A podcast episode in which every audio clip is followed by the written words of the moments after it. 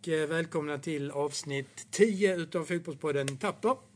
Eh, och eh, Tapper, det är MFF-legendaren Staffan Tapper som är huvudrollsinnehavare i den här podden. Själv heter jag Micke Sjöblom som eh, samtalar med Staffan. Och vi sitter här på stadion och har precis sett eh, MFF ja, relativt enkelt eh, slå Kalmar FF med 4-0.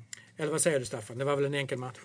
Enkel match så tillvida 4-0 resultatet eh, ser ut som en enkel match men det är aldrig enkelt att komma från ett Europaspel och skifta om och gå in i ett allsvenskt spel. Eh, så att resultatmässigt är det väldigt imponerande. Och det är oerhört viktigt att vi kan hantera, vi har pratat om det, både Euroligan och allsvenskan. Och det visar vi här. Vi eh, blev rätt utspelade mot belgarna, det är vi helt överens om. Genk var ett mycket bra lag och här är det liksom att ställa om sig och komma hem och möta Kalmar hemma och få en prestation på det och vinna. Och det skötte vi väldigt, väldigt bra. Sen kan man tycka att matchen blev lite avslagen i slutet. Eh, och det blev den ju publikt, men, men inte för laget. Laget kan spela av matchen, ta med sig den när vi har match igen på onsdag mot Norrköping. Så att, eh, ja, jag tyckte prestationen var mycket bra. Mm. Vad säger du om, om laget? Uh, Ove, han roterar ju lite grann och det är inte så konstigt att han gör det med det roliga tävlingsprogrammet som yeah. vi har framför oss eller är inne i just nu. Någon, någon, någon kommentar kring det? Ja, men det gör han helt rätt. Jag tycker också de spelarna som kommer in, liksom, som, som får chansen att starta mm. här. Uh, Binaku, Gallo, Traustason, de visar att de vill vara med och slåss om platserna. Bonke kom in här också, arbetar hårt. Va? Det är ju en otroligt viktig ingrediens. Och det, det har vi ju förstått att Ove vill ha, så att säga. Att mm. vi hela tiden är på tå fysiskt, springer mycket, arbetar hårt. Alltså tar ett hårt arbete hela tiden. Och det har han fått in, helt klart. Mm. Ehm, ja, vi tittar lite grann på, på, på laget. Ehm, jag tyckte framförallt alltså ytter, vi ska kalla dem ytterbackarna eller yttermittfältarna, Larsson och Binako eh, visade verkligen någonting extra i den, här, i den här matchen. Larsson har ju alltid mycket energi eh, och Binako är ju, som vi har sagt flera gånger, du är ju väldigt förtjust i honom, vänster, vänsteryttern, vänsterbacken. Larsson är ju en energispelare, helt klart. Och Binako är en oslipad diamant. Ja. Eh, jag tycker de, de gör det väldigt bra idag. Va? Men det är också första året de har kommit till MFF. Så att jag tycker tiden talar väldigt mycket för dem. Mm. Eh, Erik ska liksom hitta rytmen i sitt spel. Liksom. Behöver inte vara så ivrig alltid. Men det är klart när man har en sån energisk spelare. Binako andra hållet måste liksom på något vis få mer energi i sitt spel framåt. Vi ser på första målet vi gör där han liksom får bollen, blir rättvänd mot backen, i princip bara spelar bollen förbi och sätter lite fart och hotar. Mm. Vilket sen blir ett bra inlägg. Så att jag tycker fortfarande han har mycket att göra i sitt offensiva spel. Han måste bli, våga mer framåt, utmana mer, slå mer inlägg. Men jag kommer tillbaka till det liksom att har han instruktionerna att inte göra det så följer han dem. Mm. Men om han skulle få lite friare tyglar offensivt så tror jag vi kan få ut ännu mer av honom, helt mm. klart. Mm. Eh, mittbackslinjen eller trebackslinjen så kommer Brorsson in istället för Safari som får stå över hela matchen. Eh, bro, tankar, tankar? Ja, Brorsson eh, kommer in så ofta och spelar så mycket också så att han, han känns ju väldigt trygg här. Mm. Nu blev vi ju inte testade ut så där väldigt, väldigt hårt om man jämför tittar på de 90 minuterna. Det var en period där mitt i halvleken där de fick lite tryck på oss. Eh, de fick en ribbskott, den studsade mm. ner och sen så blev det kalabalik och mm. skott igen och så vidare. Där var nära ett mål. Va? Det var väl enda gången de, de hotade oss riktigt. Eh, början på matchen var det en fast situation också där vi tappade markeringen på bortre stolpen. Eh, när deras mittbackar kom upp där borta var vi helt nollställda. Och Sen är det ett inlägg också där faktiskt Bachirou gör ett fantastiskt hemjobb och nickar bort. Eh, och det är också otroligt viktigt att våra mittfältare läser av när deras mittfältare kommer kommer in i boxen, att man tar de löpningarna med dem. Så att man försvarar sig bra också. Och det var väldigt bra försvarat tyckte jag. Mm. Men Kalmar eh, fortfarande lever på sina brödrar. Ja, ja, Bröderna ja. Elm, de, är ju, de var ju tre från början och det är väl David Elm nu som har slutat. Rasmus och Viktor spelar fortfarande. Mm. Eh, rutinerade spelare. Jag menar Rasmus har varit proffs i Alkmaar och Moskva innan han kom tillbaka, gjort 39 landskamper. Eh, Viktor har också varit proffs i Holland, Heerenveen och Alkmaar och gjort 10 landskamper. Så de utstrålar det självförtroendet och de är oerhört viktiga, tror jag, mentalt för, för Kalmar och för de mm. spelarna. Mm.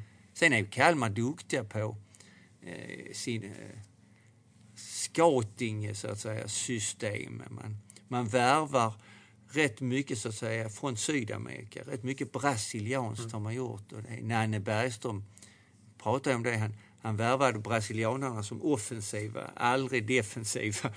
Och där ligger mycket i det, att, eh, mm. deras spelstil. Så det är de duktiga på. Det har de hittat rätt mycket och det verkar de hitta fortfarande, helt mm. klart. Mm.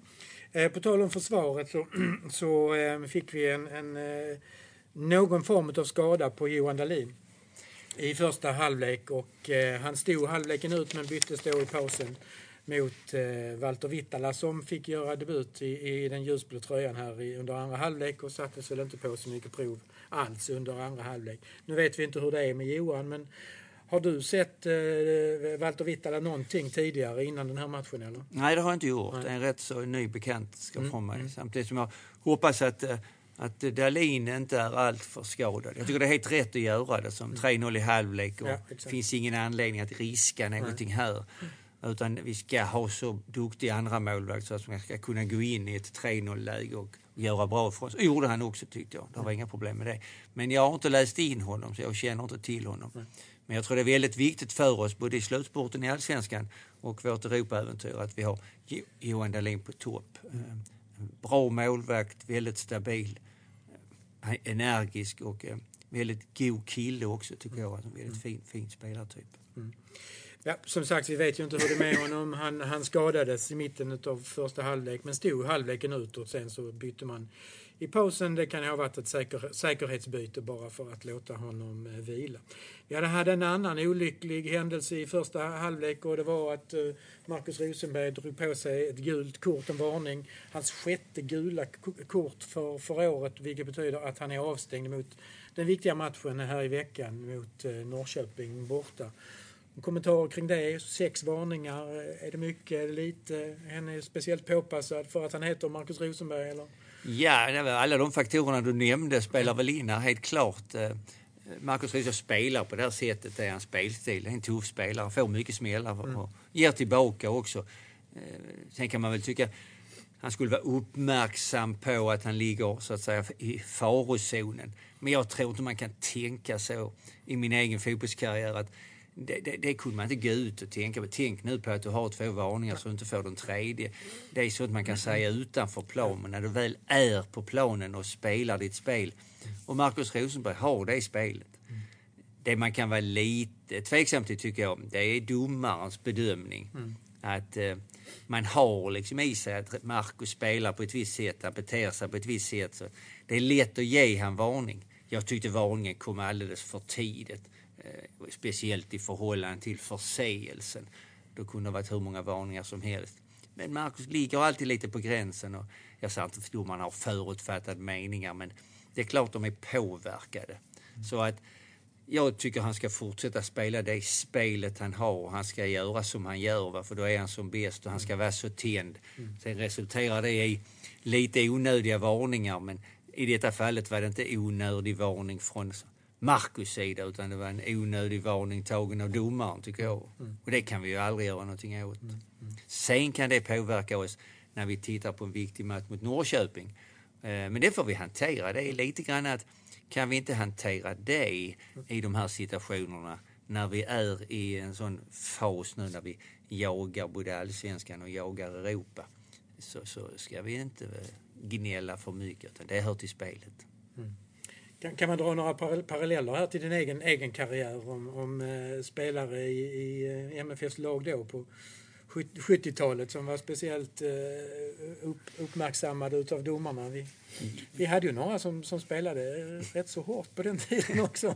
ja, alltså gossarna som Christer Christensen, ja, Bosse Larsson och Puskas Ljungberg ja, ja. Eh, var ju inga duvungar precis.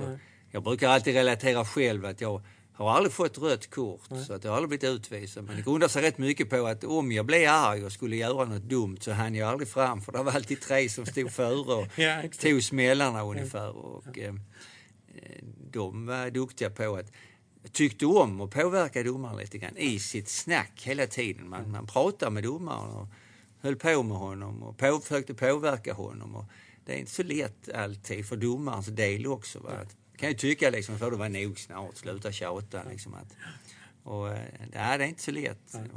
Man blir lätt påverkad och även om man säger det så Domarna måste ju prata med varandra, domarkommittéer. Mm. Det är klart spelare kommer upp. Hur ska vi hantera den spelaren och hur gör vi med den och vad tycker vi om honom och så vidare. Så att, det finns alltid en påverkan på den biten också. Mm. Men nu, får vi då klara oss utan, utan Marcus här i veckan mot, eh, mot Norrköping. Några tankar kring det? Antonsson fick ju då vila den här, hela den här matchen och då är det väl ganska klart att han, att han spelar och eh, om inte Carlos är tillbaka i, i veckan här så är det väl han och Traustason som, eh, som är på topp antagligen. Det bör det vara så att säga. Va? Riks ska ju också komma tillbaka. Ja, han hade ja. vi inte heller med här. Så att, uh, han kommer att rulla runt laget här och mm. jag tror definitivt han, han kommer så att säga starta med det starkaste laget han har mm. uh, på onsdag mot Norrköping, som han själv tycker. Det här är det, de elva spelarna som idag är absolut starkaste. Och det är helt klart, det är en jättetuff match. Norrköping är på gång, helt klart. Uh, det är svårt. Vi såg ju i fjol, vi Antvi där, vi låg under i i halvlek men kom tillbaka och säkrade väl guldet till och med, ja, för mig. Mm. Mm. De är på gång, jag såg dem lite här nu, de spelade mot Dalkurd här och äh, så, överlägsen seger. Mm. De har, äh, spelar ju 3-4-3, rätt så offensivt spel men har hittat bra värvningar.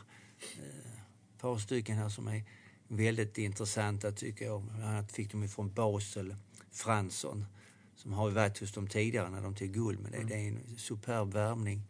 Simon Tern som har kommit igång och gjorde ja. två fina mål mot AIK. Ja.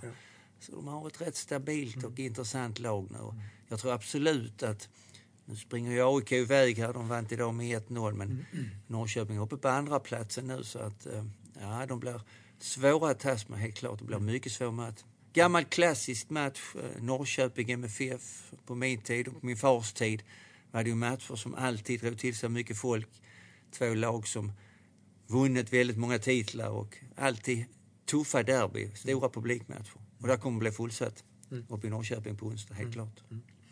Ja, det börjar ju tajta till sig där bakom. Precis, du nämnde att AIK vann med 1-0 över Hammarby. Nu, är det ju, nu, nu, ser du liksom, nu är det väldigt nära. Det blir en ytterligare viktig match, på, på, ytterligare förstärkt. Att det blir en viktig match eh, mot Norrköping. Om vi nu lyckas vinna den matchen. Så.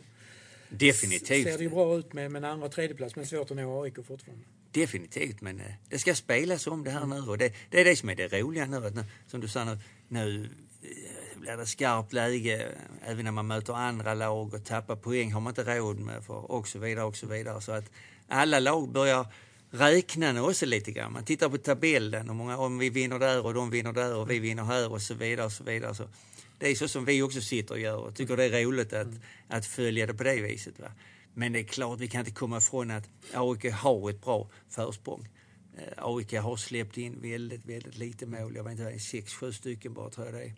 Och ser ju väldigt stabilt ut. Det är ett tecken på att man är långt uppe och har mästartakter när man släpper in lite mål, har ett bra defensivt. Det är rätt tjatigt att säga det, va? men det är bara att konstatera att så är det. Mm. Ja, de har ju rätt många uddamålsvinster, inte minst 1-0-segrar. Men så var det väl även på 70-talet? Ja. Var inte det de bästa segrarna? 1-0? Eh, eh? Ja, det är lite sanning med modifikation. På ja. de åren vi vann 74-75, då gjorde vi flest mål också. Det Släppte in minst, så, så att, och flest poäng. Så att, det ska vara balans i det också. Ja, kan ja. du både vinna, göra flest mål och släppa in minst, ja. då är du definitivt det det ett lag som vinner guld. Det är det det handlar om. Ja, precis. Eh, ja, några andra tankar om, om, om, om Kalmar? Vi sa det förra gången med klubb som är årsbarn och andra mer kring själva klubben, mer än bara de elva eller de som vi såg här på planen. Kalmar ur vår synpunkt, Malmö har alltid varit det är ett tråkigt lag att möta. ja, det, men det, så, är, så är det vissa. Det har aldrig varit publikmatcher. Det har varit rätt tuffa spelare och arbetat alltid väldigt hårt För att inte tala om gamla Fredrik Skans och spela där uppe. Mm. Tråkig bussresa också här genom Skåne och Blekinge. Blås, blåsigt också, det finns ju inte... Jag var, jag var någon som nämnde för mig, ja, det är inte, mellan Malmö och Kalmar finns det flest sådana fartkameror i hela Sverige. Och det innebär att mycket samhällen är... Så att på något vis eh, det, måste man ha en oerhört professionell inställning till alla lag. Va? Och inte gå ut med, som jag säger, utan man måste övervinna de här bitarna för att göra goda prestationer. Mm. Och det gjorde vi idag på ett ja. väldigt, väldigt bra sätt. Ja, precis. Ja, men då har vi de här 4-0 med oss ja. in i veckan här och mot, mot Norrköping. Väldigt det betyder viktigt. mycket. Väldigt, ja. väldigt viktigt att studsa tillbaka med ett Europaspel, speciellt när vi förlorar, studsa tillbaka med en seger med 4-0. Det tar vi med oss. Men stort tack för det Staffan. Ja, tack själv. Då tackar vi för det och eh, vi är tillbaka, eh, kanske inte på, i veckan här mot Norrköping, men nästa söndag i, mot Sundsvall. Definitivt. Eh, som vi möter hemma då. Ja. Stort tack ja, Staffan. Tack själv. Yes. Hej. Hej.